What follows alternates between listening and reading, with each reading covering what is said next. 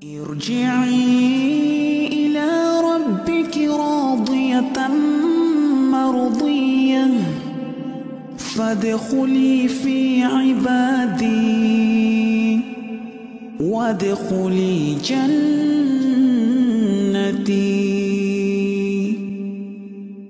Taib kepada Ustadz Dr. Firanda Andirja LCM uh, Hafidullahu Ta'ala Tafadol Maskura Ustadz Bismillahirrahmanirrahim. Assalamualaikum warahmatullahi wabarakatuh. Waalaikumsalam warahmatullahi wabarakatuh Alhamdulillahi ala ihsani wa syukru lahu ala taufiqihi wa amtinani. Asyhadu an la ilaha illallah wahdahu la syarika lahu ta'ziman li sya'ni wa asyhadu anna Muhammadan abduhu wa rasuluhu da'ila ridwani. Allahumma salli alaihi wa ala alihi wa ashabihi wa ikhwani. Nah, ikhwan dan akhwat, para sahabat Darmais yang dirahmati Allah Subhanahu wa taala, pada kesempatan bahagia ini kita akan bahas tentang hikmah di balik eh, perjanjian Al-Hudaybiyah. Eh, Sulhul Hudaybiyah ya, eh, Sulhul Hudaybiyah. Perjanjian Al-Hudaybiyah. ya. Ini terjadi kapan? Terjadi pada eh, tahun 6 Hijriyah ya. Terjadi pada tahun 6 Hijriyah. Yang sebelumnya di situ ada tahun eh, 5 Hijriyah ada perang Khandaq. Al-Khandaq. Dan kita tahu pada ketika perang Khandaq pasukan kaum mus- musyrikin datang ya di mana ada eh, 10.000 pasukan kaum muslimin kaum musyrikin. Pasukan kaum musyrikin. Eh, kira-kira setahun setelahnya kemudian Rasulullah SAW bermimpi dalam mimpi tersebut eh, Allah berfirman la tadkhuluna al-masjidal harama insyaallah aminin itu eh, dalam mimpi tersebut Rasulullah SAW melihat bahwasanya para sahabat masuk dalam Masjidil Haram muhalliqina ru'usakum wa muqassirin dalam kondisi ada yang gundul dan ada yang mencukur pendek. Artinya Rasulullah SAW mimpi sedang umrah. Ini kita bicara sebabnya apa? Sebabnya jadi eh, Hudaybiyah sebabnya adalah mimpi Rasulullah SAW. Kita tahu Rasulullah SAW bahwasanya para sahabat umrah. Dan kita tahu bahwasanya mimpi para nabi adalah wahyu. Ya, mimpi para nabi adalah wahyu. Oleh karenanya, setelah itu Rasulullah SAW menyuruh para sahabat untuk bersiap-siap untuk umrah. Eh, terjadi pada tahun 6 Hijriah. Ya. Akhirnya berangkatlah para sahabat. Rasulullah SAW berangkat para sahabat. Kurang lebih kurang lebih 1400 ada khilaf ada yang 1300 ada yang 1500 1500 orang. 1400 orang ini semuanya orang spesial. Ini saya akan bicarakan sulh Hudaybiyah secara singkat karena kita tujuan kita adalah membahas tentang hikmah. Saya tidak akan bacakan riwayat-riwayat secara detail saya bicarakan secara singkat aja 14 orang ini eh, semuanya orang-orang pilihan. Kaum muhajirin ansar.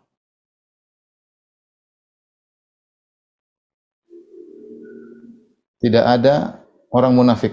Tidak tidak ada. Perhatikan tidak ada orang munafik. Kecuali Ja'ad bin Qais. Namanya Ja'ad bin Qais. Ini aja yang yang ikut tidak ada orang Arab Badui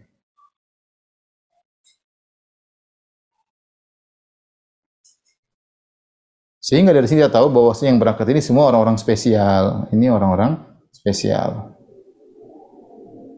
Yang mereka adalah orang-orang terbaik yang berangkat bersama Nabi Shallallahu Alaihi Wasallam. Ya. E, karena ketika Rasulullah SAW menyuruh orang-orang berangkat, Rasulullah SAW menyuruh orang-orang Arab Badui untuk berangkat. Mereka beralasan yang Allah sebutkan dalam surat Al-Fatah. سيقول لك المخلفون من الأعراب شغلتنا أموالنا وأهلنا فاستغفر لنا. يقولون بألسنتهم ما ليس في قلوبهم. قل فمن يملك لكم من الله شيئا إن أراد بكم ضرا أو أراد بكم نفعا بل كان الله بما تعملون خبيرا. بل ظننتم أن لن ينقلب الرسول والمؤمنون إلى أهلهم أبدا. وزين ذلك في قلوبكم وظننتم ظن السوء وكنتم قوما بورا. Jadi ketika Rasulullah SAW menyuruh orang-orang Arab Badui yang orang sekitar Madinah untuk masuk Islam, eh, untuk berangkat eh, umrah Al-Hudaybiyah, mereka pada menolak. Mereka beralasan, "Ya Rasulullah, kami sibuk banyak urusan harta kami, kami harus kerja, harus berkebun, kemudian keluarga harus kami tinggalkan, kami tidak bisa." Tapi semuanya itu kebohongan, semuanya mereka ketakutan. Kenapa ketakutan? Ketakutan yang wajar. Karena Rasulullah SAW suruh berangkat pada tahun 6 Hijriah. Meninggalkan kota Madinah menuju ke kota Mekah, pusatnya orang-orang Quraisy. Yang tahun sebelumnya, tahun 5 Hijriah, orang-orang Quraisy datang dengan 10.000 pasukan. Jadi setahun lalu, 10.000 pasukan menyerang kota Madinah. Sekarang disuruh pergi ke ke pusat orang-orang musyrikin, maka mereka ketakutan. Intinya mereka ketakutan. Sehingga orang munafik nggak ada yang berangkat, takut. Yang berangkat hanyalah orang-orang pilihan dari kaum muslimin, yaitu eh, apa namanya, 14 orang dari kaum muhajirin, kaum ansar. Eh, kemudian eh, tujuannya adalah umroh, ya. Tujuannya umroh, bukan perang. Baik. Eh, setelah itu tibalah Rasulullah SAW di Zulhulaifah karena yang berangkat cuma orang pilihan. Cuma ada satu Jihad bin Qais dia ikut. Entah kenapa ente dia ikut ya. Dia orang munafik tapi dia ikut dalam rombongan 1400 orang tersebut. Makanya Rasulullah SAW mengatakan semua 1400 orang ini yang berbaiat kepadaku di bawah pohon Ridwan semuanya masuk surga kecuali satu orang sahibul Jamal Ahmar itu Ja'ad bin Qais. Dia saja yang tidak masuk surga. Maka berangkatlah Rasulullah SAW menuju ke uh, Zulhulaifah uh, yang dikenal se se sekarang disebutnya Bir Ali yaitu tempat uh, mikotnya penduduk kota Madinah. Maka Rasulullah SAW pun pakai ihram para sahabat pakai ihram. Rasulullah SAW menyiapkan hadiu. Hadiu adalah hewan yang dipersembahkan untuk Allah Subhanahu Wa Taala uh, yang di, di, di, dikirim ke kota Mekah untuk disembelih di kota Mekah. Namanya hadiu umroh juga boleh uh, kemudian uh, ketika haji juga boleh disebut dengan hadiu dan hadiu tersebut diberi tanda dengan dua tanda. Yang pertama tanda qalaid. Qalaid itu gantungan-gantungan yang dicantolkan di lehernya mungkin di mananya di bagian tubuh dari eh, onta tersebut di bagian tubuh dari kambing-kambing atau onta tersebut sehingga orang ketika melihat qalaid al-qiladah gantungan-gantungan tersebut mereka tahu oh, ini adalah onta yang akan diserahkan di Baitullah maka kalau onta tersebut tersesat tidak ada yang berani mengganggunya. Terus diarahkan menuju kota Mekah untuk disembelih di sana. Tanda kedua dengan isyar. Isyar yaitu uh, melukai sanam, yaitu melukai uh, apa namanya? punuk onta, dikasih luka sedikit, dikasih darah, darahnya dioleskan di punuk onta tersebut sehingga orang tahu oh ini adalah onta hadiu yang akan diserahkan untuk Allah Subhanahu wa taala. Nah, Rasulullah SAW ketika umrah Rasulullah SAW bawa itu semua. Pakai ihram dengan para sahabat. Kemudian Rasulullah SAW juga menyiapkan eh, kambing-kambing onta kalau tidak salah 70 ekor onta disiapkan untuk dibawa ke sana. Kemudian Rasulullah SAW tetap membawa senjata, senjata tapi senjata yang sederhana, senjata namanya senjata eh, apa silahul musafirin. Sebagaimana orang bersafar bawa senjata, bukan senjata untuk perang, tapi senjata untuk berjaga-jaga kalau ada penyamun, perampok ingin uh, mengganggu mereka, membunuh mereka atau merampas mereka, maka senjata yang cukup bukan senjata untuk perang. Karena Rasulullah SAW berangkat menuju kota Mekah bukan untuk berperang tapi untuk umrah. Kita tahu perjalanan dari uh, Madinah menuju Mekah sekitar 450 km. Maka berangkatlah Nabi dengan 11 orang-orang terbaik yang ada di muka bumi ketika itu. Berjalanlah mereka sambil bertalbiyah labbaik Allahumma labbaik labbaik la syarika lak labbaik. Rasulullah SAW mengutus seorang mata-mata uh, dari kabilah Khuza'ah untuk ngecek apa yang terjadi di sana. Rasulullah SAW tidak tahu ilmu gaib. Rasulullah SAW menetapkan segala kemungkinan beliau mengitis mengutus seorang mata-mata namanya Busur untuk uh, mengecek kondisi. Maka berangkatlah Nabi Shallallahu Alaihi Wasallam menuju kota Mekah untuk umrah dengan penuh talbiyah dengan penuh semangat. Bayangkan ini tahun berapa? Tahun 6 Hijriyah di mana para sahabat sudah enam tahun tidak pernah melihat Ka'bah karena mereka diusir. Di awal tahun satu Hijriah mereka diusir meninggal kota Mekah, padahal kota Mekah kampung halaman mereka. Padahal kota Mekah adalah kampung halaman mereka ya. Dan uh, para sahabat semangat berangkat menuju ke kota Mekah, pulang kampung sekaligus bisa melihat Ka'bah sekaligus bisa umroh. Mereka sudah enam tahun tidak umroh. Kita bisa bayangkan kedua mereka. Kita aja kawan-kawan banyak yang dua tahun pandemi tidak bisa lihat Ka'bah, tidak bisa umrah, tidak bisa haji, rindu keduluan luar biasa. Makanya ketika kemarin Arab Saudi membuka eh, pintu umrah, maka lihat ramenya luar biasa. Orang sudah isinya melepas kerinduan luar biasa. Apalagi para sahabat yang Mekah kampung halaman mereka. Yang mereka begitu giat beribadah. Begitu suruh umrah semangat. Ya, semangat para sahabat menuju ke kota Mekah. Jadi di sini Rasulullah SAW tujuannya umrah bukan perang, karenanya karenanya beliau hanya membawa membawa senjata musafir. Kemudian juga beliau membawa hadiu, karenanya beliau membawa hadiu.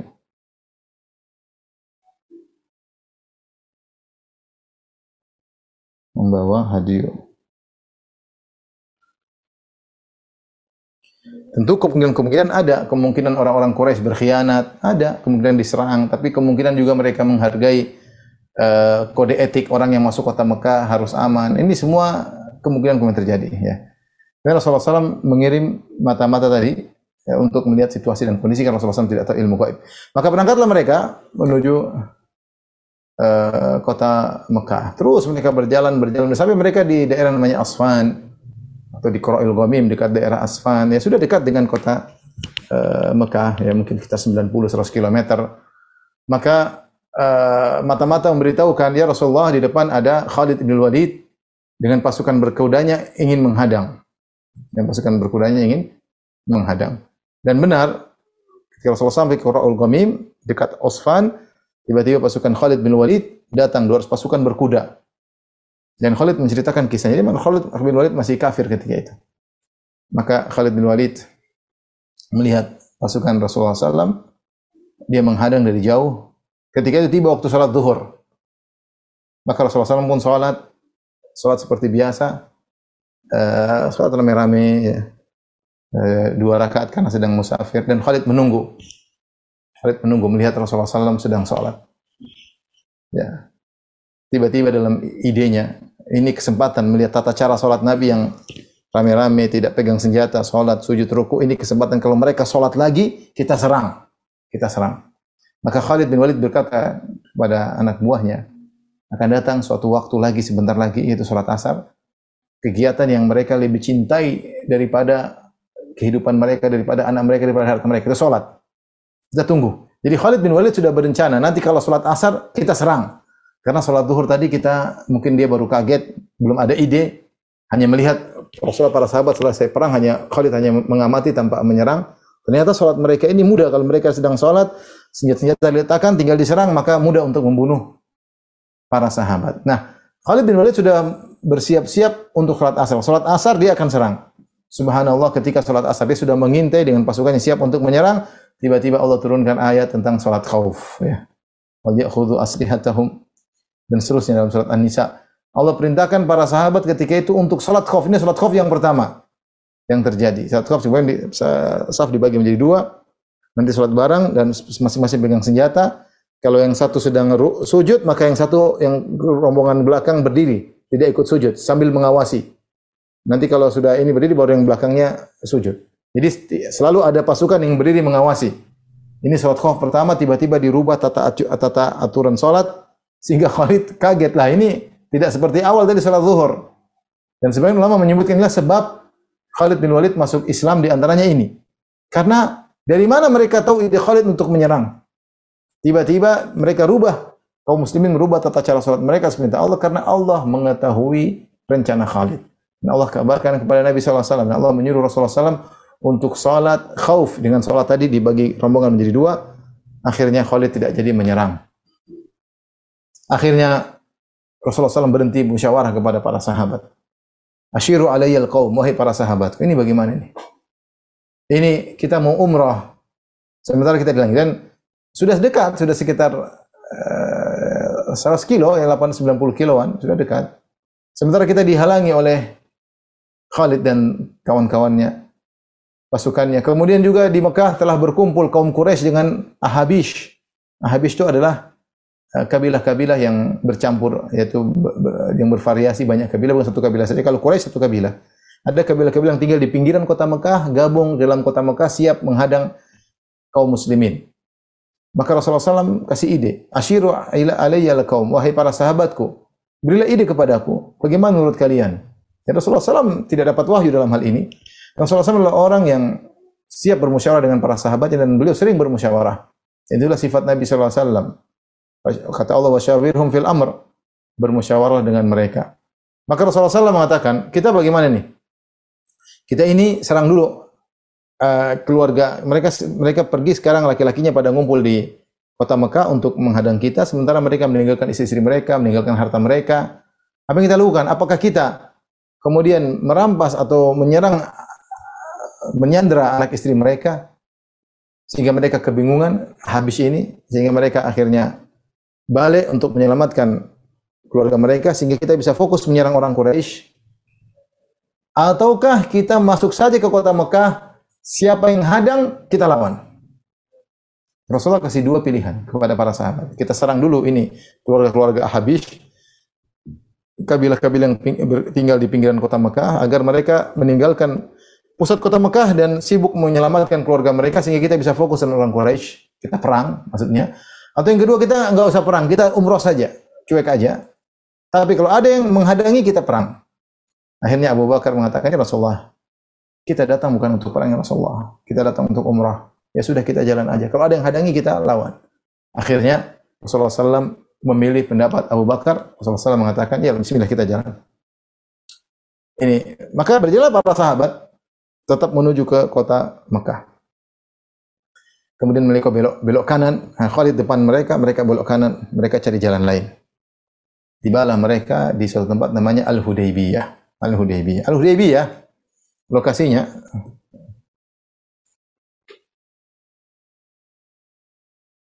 uh, ini Ka'bah uh, maka ini sekitar namanya tanah haram tanah haram ya uh, kira-kira begini ya Misalnya, ini kalau ini Ka'bah, ini namanya tanah haram. Di luar ini namanya tanah halal. Dan tanah halal terdekat, sini namanya adanya tan'im. Tanah halal terdekat. Namanya tan'im.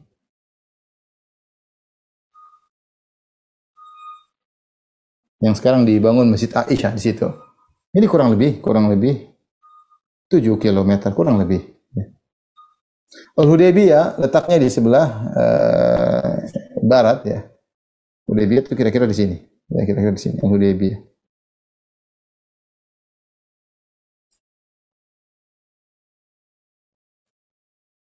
Ini Al-Hudaybiyah. Nah ini jaraknya kurang lebih sampai Ka'bah kurang lebih 25 km.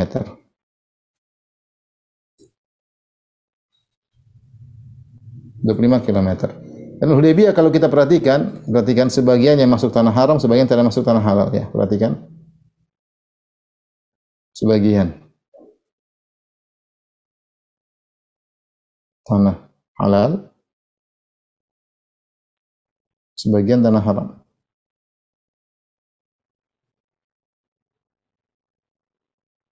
Nah, kita bisa bayangkan Rasulullah SAW datang dari Rasulullah dari utara sini, dari utara.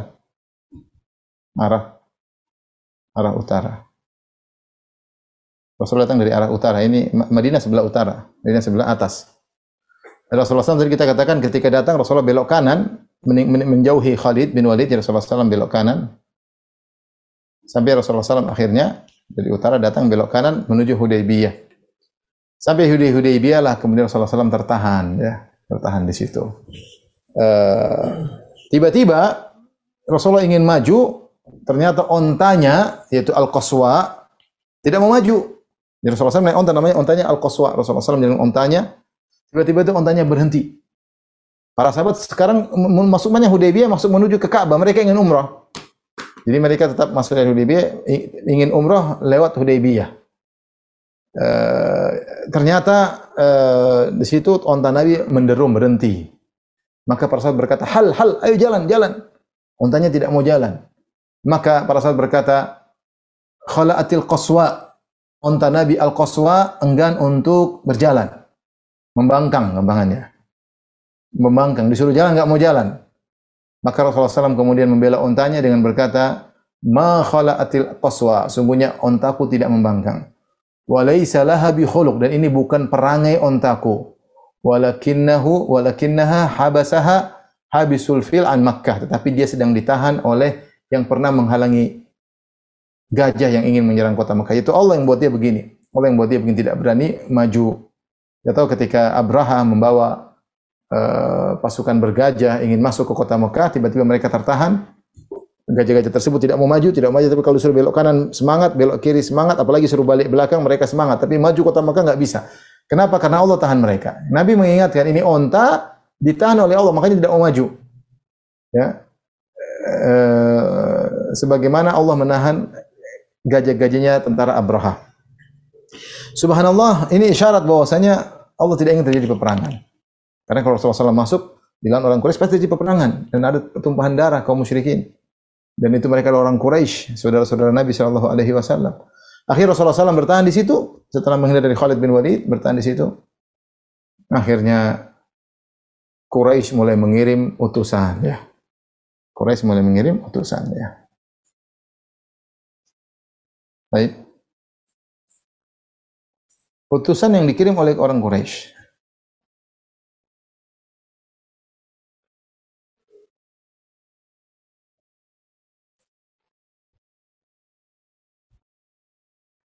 Ada beberapa utusan, ada empat utusan. Sebelum yang terakhir yang kelima Suhail bin Amr. Yang pertama, orang Quraisy mengirim namanya uh, Budail bin Warqa al-Khuzai. Budail bin Warqa al-Khuzai dari kabilah Khuza'ah. Kemudian yang kedua mereka namanya Hulais al bin Al-Qamah, Hulais bin Al-Qamah.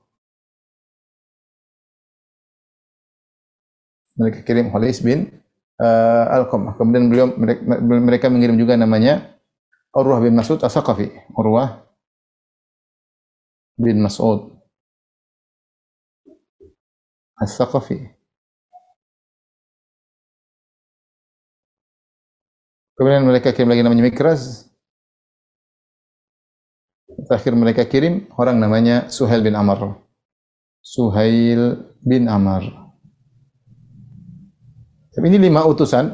Yang pertama, Rasul diutuslah kepada Nabi. Ini menunjukkan bahwasanya orang-orang Quraisy yang tadinya sombong, angkuh tahun lalu datang dengan 10.000 pasukan, menganggap remeh pasukan kaum muslimin, kali ini mereka berbeda. Mereka menganggap Rasulullah sudah punya tim yang solid, pasukan yang solid sehingga mereka tidak langsung menyerang. Mereka ingin perundingan. Maka mereka mengirim Budail bin Warqa. Maka Budail bin Warqa bicara sama Nabi SAW, maka Nabi mengatakan, sampaikan pada Quraisy mereka sudah uh, wahanat humul harb, mereka sudah capek dengan perang, mereka perang-perang terus. Ya sudahlah, kata Nabi, biarkanlah kita damai aja. Nabi mengajak kedua damai aja. Ya, aku akan beri perdamaian dengan mereka. Biarkan aku sibuk mendakwah berdakwah kepada kabilah-kabilah yang lain. Quraisy suruh nonton aja, nggak usah ngelarang kami. Kami ingin berdakwah dengan kabilah-kabilah yang lain. Kalau ternyata terjadi peperangan dan kami kalah dengan kabilah-kabilah yang lain, bukankah itu yang diinginkan oleh Quraisy? Kalau kami menang, lihat, mereka mau masuk Islam, silakan masuk Islam. Kalau tidak, mereka punya persiapan untuk perang dengan kami. Rasulullah SAW memberi gambaran kepada Budail bin Warqa, biarkan kami masuk. Saya ulangi, Rasulullah mengatakan, biarkan kami masuk. Dan kami ingin perdamaian dengan Quraisy. Sudahlah. Kami ingin umrah, damai. Kalau kami damai dengan Quraisy, biar Quraisy kafir tidak masalah. Kami siap berdakwah kepada kabilah-kabilah yang lain. Nanti kalau kami kalah dari kabilah-kabilah yang lain, itu kan yang mereka inginkan. Tapi kalau kami menang, kami kasih pilihan. Mau masuk Islam silakan, kalau enggak ya terserah mereka. Mau perang, perang. Tapi aku tidak akan meninggalkan dakwah ini meskipun sampai leher keputus, kata Rasulullah SAW. Akhirnya Budail bin Warqa pulang menemui Abu Sufyan dan uh, besar-besar Quraisy menyampaikan hal tersebut, maka orang Quraisy mengatakan, pokoknya tidak boleh masuk. Kapan mereka masuk, kita perang. Tidak boleh masuk. Tidak boleh masuk kota Mekah. Subhanallah. Nabi dan para sahabat sudah sangat dekat, tinggal 25 kilo lagi. Artinya mereka sudah berjalan kurang lebih 425 kilo. Tinggal 25 kilo lagi umroh. Tiba-tiba sudah di penghujung, dilarang. Ini membuat uh, Nabi, para sahabat apalagi jengkel. Ya. Akhirnya tidak berhasil beliau meluarkan. Ya. Kemudian mereka mengirim utusan yang kedua. Namanya Hules bin Alqamah. Hules bin Alqamah berasal dari kabilah Ahabish, yaitu kabilah-kabilah Badui yang ada di sekitar kota Mekah yang gabung uh, dengan orang-orang Quraisy. Ketika tiba Hulais bin Alqamah kata Nabi SAW, Innahu min qawmin yata'allahun. Ini orang termasuk dari kaum yang mengagungkan syiar-syiar Allah Subhanahu wa taala. Keluarkanlah uh, hadiah-hadiah kalian, unta-unta kalian. Rasulullah SAW sebelum Hulais datang menuju Nabi, dikeluarkanlah unta-unta yang ada pakai kilada qalaid tanda unta-unta ini akan disumbangkan untuk Allah Subhanahu wa taala untuk disembelih. Uh, ada yang dikasih luka uh, apa namanya sanamnya yaitu uh, punuknya. Ketika Hulais melihat ini semua maka dia berkata, ini unta-unta tidak boleh dilarang. Kenapa ditahan?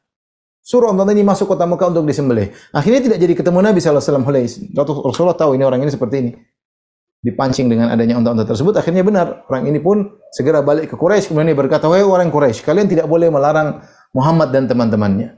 Sungguhnya mereka datang untuk umrah dan itu mereka telah bawa unta-unta mereka untuk disembelih. Akhirnya orang Quraisy jengkel diutus untuk uh, membela mereka malah sekarang membela Rasulullah SAW maka orang Quraisy berkata anta Arabi la ta'lam engkau adalah Badui sudah duduk saja kau enggak ngerti. Kemudian mereka mengutus Urwah bin Mas'ud As-Saqafi yang ketiga sama Urwah bin Mas'ud al-Saqafi kemudian menyampaikan, "Ya Rasulullah, ya Muhammad, begini begini begini." Kata Rasulullah SAW sama dengan ucapannya kepada Budel bin Warqa al-Khuzai. Biarkanlah kami, kami perjanjian damai. Kami sibuk mendakwahi kabilah-kabilah yang lain.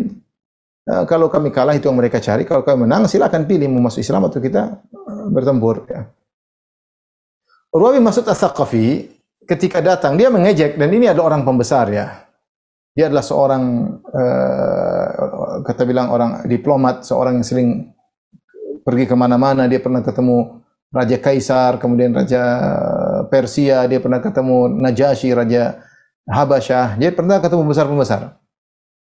Ketika dia datang menemui Nabi, dia berkata, Ya Rasulullah, kau lihat orang-orang sekitarmu ini, maksudnya para sahabat. Ini orang-orang, kalau kau nanti terdesak, mereka kabur ditinggalkan kamu. Ya. Ini bilang, apakah ada orang seperti kamu wahai Muhammad yang datang ingin menghabisi kerabatnya sendiri? Bukankah kita sama kalian ini yang orang Quraisy adalah sukumu? Apakah ada dalam sejarah seorang datang menghabisi sukunya sendiri? Jadi dia ngejek Nabi. Nah, kamu datang sini nyerang Quraisy, mau berperang.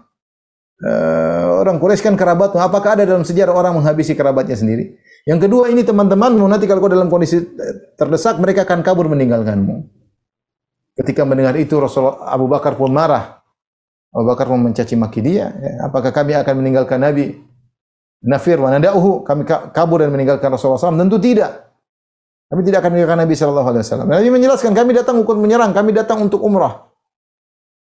Kemudian Urwah bin Mas'ud As-Saqafi mulai memegang-megang jenggot Nabi mencari perhatian Nabi. Tiba-tiba datang seorang pemuda menghalanginya dengan sarung pedangnya. Kata, jauhkan tanganmu dari orang ini. Jadi Rasulullah SAW. Maka Urwah bin Mas'ud As-Saqafi marah. Ini siapa ini? Berani-beraninya tidak berakhlak kepadaku. Ini orang paling buruk. Rasulullah tersenyum. Rasulullah SAW mengatakan, ini adalah Mughirah bin Syu'bah, ponakanmu sendiri. Yang sudah masuk Islam. Jadi intinya, di depan Urwah bin Mas'ud As-Saqafi, para sahabat kemudian menunjukkan bagaimana loyalitas mereka kepada Nabi SAW. Tidaklah Nabi membuang ludah, kecuali ludah tersebut tidak jatuh ke, ke tanah, diambil oleh para sahabat, kemudian diusap ke tubuh mereka usap ke wajah mereka karena ludah Nabi adalah berkah. Tidaklah rambut yang dipotong oleh Nabi kecuali rambut tersebut diperebut. Tidaklah Nabi SAW berwudu kecuali sisa wudunya diperebutkan. Tidaklah Nabi berbicara kecuali mereka semua diam. Ini semua mereka, mereka perlihatkan di hadapan Urwah bin Mas'ud As-Saqafi. Akhirnya Urwah bin Mas'ud As-Saqafi pulang ke orang-orang Quraisy melaporkan hasil pertemuan dengan Rasulullah SAW. Dia mengatakan, wahai Quraisy, sudahlah, uh, damai sajalah. Ya. Saya sudah pergi ke Kaisar, saya per, sudah per, eh, pernah ke Kisra, raja raja Romawi, raja Persia. Saya sudah pernah pergi ke Najasyi, raja Habasyah. Namun saya tidak pernah melihat ada orang-orang yang mengagumkan pimpinannya seperti para sahabat Muhammad kepada Muhammad. Sungguh saya tidak melihat Muhammad membuang ludah kecuali ludahnya ditampung oleh mereka dan diusapkan wajah ke tubuh mereka. Dan tidaklah Muhammad berwudu kecuali wudunya diperebutkan oleh mereka. Dan tidaklah Muhammad berbicara kecuali semuanya dia mendengarkan Muhammad. Subhanallah. Jadi sengaja para sahabat menunjukkan bagaimana kami mau kabur kalau Rasulullah SAW mengkondisi terdesak kami mau kabur enggak kami enggak bakalan kabur. Kami seperti ini kepada Nabi SAW. Kemudian akhirnya Quraisy mengitus namanya Mikraz. Empat. Mikras sama. Ya. Rasulullah menyampaikan yang sama. Kemudian Rasulullah SAW sebelum mengutus Mikras, Rasulullah SAW balik Rasulullah SAW mengutus Utsman. Utsman ke Quraisy. Utsman berangkat. Rasulullah tadinya memilih memilih Umar tapi kata Umar ya Rasulullah saya siapa? Mereka jengkel sama saya dan kabilah saya tidak kuat. Saya dari Bani Adi. Beda dengan Utsman. Utsman dari Bani Umayyah dan dia banyak orang-orang Quraisy di dalam Bani Umayyah ada dalam kota Mekah dan dia kenalannya banyak. Dia lebih baik. Akhirnya Utsman yang diutus oleh Nabi sallallahu alaihi wasallam untuk berdiskusi. Berangkatlah Utsman sendirian. Berangkat menuju ke ke dalam kota Mekah bertemu dengan pembesar-pembesar Quraisy. Dan ini bahaya, dia bisa saja dibunuh. Akhirnya ketika dia ketemu dengan Utsman, dia berbicara. Ketika ketemu dengan Abu Sufyan dan teman-temannya, mereka bilang sama Utsman, "Wahai Utsman, kau sudah pakai kain ihram? Sudah kau umrah aja duluan, tawaf aja dulu. Nanti Muhammad belakangan kau tawaf aja dulu baru balik ke Muhammad." Kata Utsman bin Affan, "Saya tidak bakalan tawaf kecuali Rasulullah yang tawaf lebih dahulu." Padahal dia dikasih kesempatan mau tawaf dulu. Kata dia, "Enggak, saya tidak akan tawaf kecuali Rasulullah SAW tawaf." Utsman nggak balik-balik karena masih diskusi ngobrol sama orang-orang Quraisy. Ketika itu Rasulullah SAW tidak tahu ilmu gaib, maka ada kabar berita bahwasanya Utsman telah dibunuh. Dari situlah gara-gara ada kabar berita Utsman telah dibunuh, isu isu Utsman terbunuh. Maka Nabi mengambil bait, eh, baiat. Nabi membaiat para sahabat.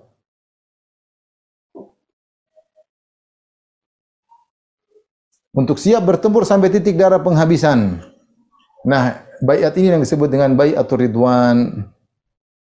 Bayatul ridwan. Yang Allah abadikan dalam Al-Qur'an, laqad radiyallahu 'anil mu'minina idh yubayyi'unaka tahta syajarati fa'alima ma fi qulubihim. Sungguh Allah telah ridha kepada kaum mukminin yang mereka membayat engkau ya Rasul di bawah sebuah pohon. Allah ridha kepada mereka. Mereka sekitar 14 orang yang Rasulullah SAW mengatakan tidak ada seorang pun masuk neraka dari 1400 orang yang bayat kepadaku enggak ada. Dalam riwayat Rasulullah mengatakan semua yang bayat kepadaku di bawah pohon semuanya masuk surga. Kecuali satu orang munafik, sahibul jamal al-ahmar. Rasulullah SAW mengatakan antum khairu ahlil ardi. Kalian adalah penghuni bumi terbaik karena mereka kemuhajirin ansar. Itu dikenal bayat saja ridwan, bayat di bawah sebuah pohon. Yang pohon tersebut akhirnya terlupakan letaknya bahkan dalam sebagian riwayat Umar melihat sebagian orang datang ke pohon tersebut, sholat situ akhirnya Umar radhiyallahu anhu menyuruh pohon tersebut ditebang. Khawatir terjadi hal yang tidak diinginkan. Ah, di situlah terjadi bayat ridwan. Kemudian Rasulullah mengatakan ini semua sahabat bayat. Kemudian Rasulullah mengatakan ini adalah tangan Utsman. Rasulullah Utsman membayat. Aku mewakili, aku mewakilinya. Ya. Tapi hasil ternyata Utsman tidak dibunuh. Utsman selamat. Kemudian akhirnya kaum Quraisy mengirim utusan terakhir namanya Suhail bin Amr. Suhail bin Amr orang Quraisy ya. Dia datang menemui Nabi ketika Nabi datang melihat dia dari jauh Nabi mengatakan Qad sahalallahu amrakum idh ba'athat Quraisyun hadzal rajul. Ya. Allah mudahkan urusan kalian ketika orang Quraisy mengirim utusan Suhail bin Amr. Karena namanya Sahal, Suhail, mudah. Dan benar akhirnya terjadilah kesepakatan dengan terjadilah kesepakatan kita lanjut. Terjadilah kesepakatan antara Nabi dan Suhail. Nabi Shallallahu Alaihi Wasallam dan Suhail, Suhail bin Amr. Ini yang disebut dengan Sulhul Hudaybiyah. Sulhul Hudaybiyah perjanjian Hudaybiyah. Ya. Isinya, poin-poinnya ada beberapa poin-poinnya. Yang pertama, kaum muslimin balik. Tidak jadi umrah. Harus balik umrahnya tahun depan.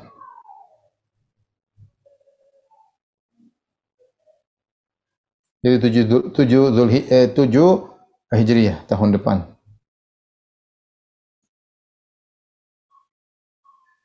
Ini di antara poin. Poin berikutnya damai selama 10 tahun. Gencatan senjata. Poin berikutnya yang ketiga eh, jika ada kabilah lain ingin berkoalisi silakan. Maka silakan. Ketika muncul poin ini maka ada dua kabilah. Khuza'ah, ini kafir ya. Khuza'ah langsung gabung dengan kaum muslimin. Dengan kaum muslimin. Adapun kabilah Bani Bakar ini juga kafir, kabilah Bani Bakar gabung dengan Quraisy. Ini nanti kita akan penting ketika kita, kita bicara tentang Fatu Makkah karena kabilah Bani Bakar akhirnya menyerang kabilah Khuza'ah. Ingat Khuza'ah kafir. Namun dia gabung. Ini boleh perjanjiannya. Yang berikutnya eh, harus aman. Tidak ada tidak ada pertikaian, ah, tidak ada apa namanya pencurian, apalagi pembunuhan.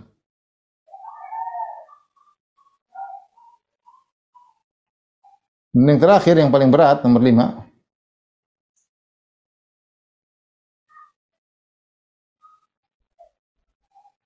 Yang kelima adalah jika ada yang kabur dari Madinah ke Mekah maka harus dibiarkan. Jika ada yang kabur dari Madinah ke Mekah harus dibiarkan. Dibiarkan. Namun tidak sebaliknya, tidak sebaliknya. Maksudnya apa? Kalau ada yang kabur dari Mekah menuju Madinah harus dikembalikan. Jadi menyakitkan. Jadi kalau ada yang kabur dari Madinah, murtad misalnya dari ke Mekah dibiarkan, tidak boleh dipulangkan ke Madinah. Tapi kalau ada dari Mekah kabur menuju Madinah kembalikan ke Mekah. Tapi lima, lima poin disetujui oleh Nabi sallallahu alaihi wasallam maka tanda tangan. Ada ma salah alaihi Muhammad Rasulullah sallam Suhail bin Amr inilah kesepakatan yang disepakati oleh Muhammad Rasulullah sallam dengan Suhail bin Amr. Suhail bin Amr mengatakan, tidak boleh, jangan tulis Muhammad Rasulullah, bilang Muhammad bin Abdullah. Kami belum mengaku kau sebagai Rasul. Kalau kami mengaku sebagai kau sebagai Rasul, ngapain kami larang kau ke, masuk Mekah? Ngapain kami merangimu? Hapus tulisan Rasulullah. Ketika itu Ali yang menuliskan. Kata Rasulullah SAW, wahai Ali, hapus tulisan Rasulullah. Bilang aja, inilah kesepakatan Muhammad bin Abdullah. Kata Ali, saya enggak mau hapus. Engkau adalah Rasulullah. Kata Rasulullah, iya tapi hapus aja. Kata Ali, enggak. Akhirnya Rasulullah mengatakan, mana tempatnya? Rasulullah tidak bisa baca, tidak bisa tulis. Mana tempat tulisan Rasulullah? Kata Ali, tunjuk. Akhirnya Rasulullah hapus sendiri. Jadi kesepakatan kesepakatan Muhammad bin Abdullah dengan Suhaib bin Amr. Kata Rasulullah, sungguhnya aku Rasulullah meskipun kalian mengingkari. Subhanallah, akhirnya terjadilah kesepakatan. Baru terjadi kesepakatan, tiba-tiba datang Abu Jandal. Abu Jandal bin Suhail. Abu Jandal ini punya namanya eh, Suhail ini punya anak masuk Islam.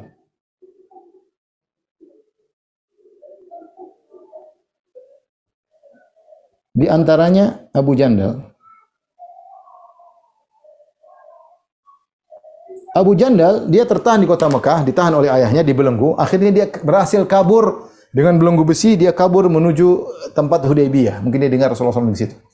Kemudian dia bilang, Rasulullah tolonglah aku. Maksudnya gabunglah aku bawa ke Madinah. Tiba-tiba Suhail mengatakan, Wahai Muhammad, ini harus kembalikan. Sesuai dengan kesepakatan kita nomor lima, harus dikembalikan. Kalau ada yang kabur dari Mekah, kembalikan. Kata Rasulullah, wahai Suhail. Kecualikan ini. Biar dia sudah jauh-jauh, kecualikan. Bawa, kami bawa ke Madinah. Kata Suhail, tidak bisa. Kalau kau tidak mau, batal perjanjian ini. Kata Nabi, ya sudah. Ya Suhail, Satu aja, kesempatan ini pengecualian. Kata Suhail tidak ada. Kalau tidak ada batal perjanjian.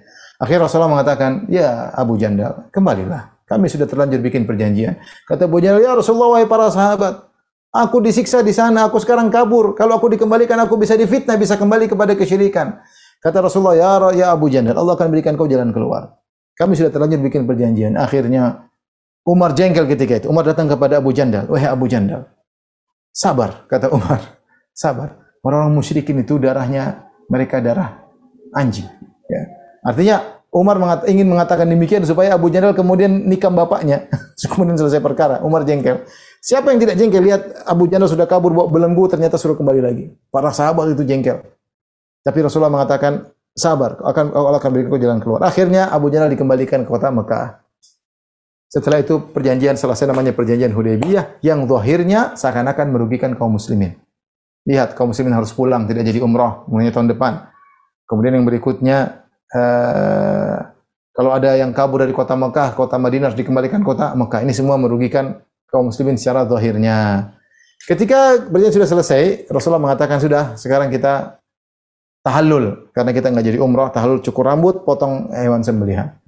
Para sahabat tidak mau potong waktu itu tidak mau bertahalul. Mereka masih merayu, siapa tahu Nabi berubah pikiran. Datanglah Umar bin Khattab radhiyallahu anhu kepada Nabi, "Ya Rasulullah, alasna al haqi wa al batil. Bukankah kita di kebenaran, mereka di kebatilan?" Kata Rasulullah SAW, benar. Alas alas alasna alasna qatl alaysa qatlana fil jannah wa qatlahum fil nar. Kalau kita mati kita masuk surga, kalau mereka mati mereka mampus masuk neraka kata Nabi. Benar. Falima nu'tid daniyata fi Kalau gitu ngapain kita mengalah ya Rasulullah? Kata Rasulullah SAW, "Ini Rasulullah Walastu aksi aku utusan Allah dan ini perintah Allah. Aku tidak akan membangkang perintahnya. Kata Umar, bukankah kau mengatakan kita bakalan umrah? Kata Nabi, iya kita akan umrah. Tapi apakah aku bilang tahun ini? Kata Umar, tidak. Kita akan umrah, tapi bukan tahun ini. Kata Nabi SAW. Akhirnya Umar, Umar pergi kepada Abu Bakar. Dia berkata, ya Abu Bakar, bukankah kita kebenaran? Pertanyaannya sama. Bukankah kita kebenaran? Kata Abu Bakar, benar. Kita ada kebenaran. Dan mereka kebatilan. Bukankah kalau kita mati kita masuk surga mereka mampus masuk neraka kata Umar kata Abu Bakar benar ya Umar. Ngapain kita mengalah merendah? Kata Abu Bakar sungguhnya innahu Rasulullah Muhammad Rasulullah. Dia tidak akan membangkang perintah Allah ini perintah Allah Subhanahu wa taala. Kemudian kata Abu Bakar, kata Umar, bukankah Rasulullah mengabarkan kita akan umrah? Kata Abu Bakar, apakah dia mengabarkan tahun ini? Tidak. Ya sudah, selesai. Tapi para sahabat belum juga berhenti waktu itu. Mereka masih berharap Rasulullah SAW berubah pikiran. Akhirnya Rasulullah SAW masuk ke kemahnya sedih. Maka dia bertemu dengan istrinya Ummu Salamah. Kemudian dia cerita, Ya Ummu Salamah, saya suruh gini, mereka tidak mau begini. Akhirnya Ummu Salamah mengatakan, wahai suamiku, keluarlah engkau, tidak usah ngomong sama seorang pun, cukur rambutmu langsung. Kau yang pertama kali bertahallul. Akhirnya Rasulullah SAW keluar, dia panggil tukang cukurnya, cukur rambutnya. Ketika para sahabat lihat Nabi cukur rambut, semuanya langsung akhirnya bertal. Karena mereka tahu Rasulullah SAW tidak akan berubah pikiran. Akhirnya mereka pun mencukur rambut mereka.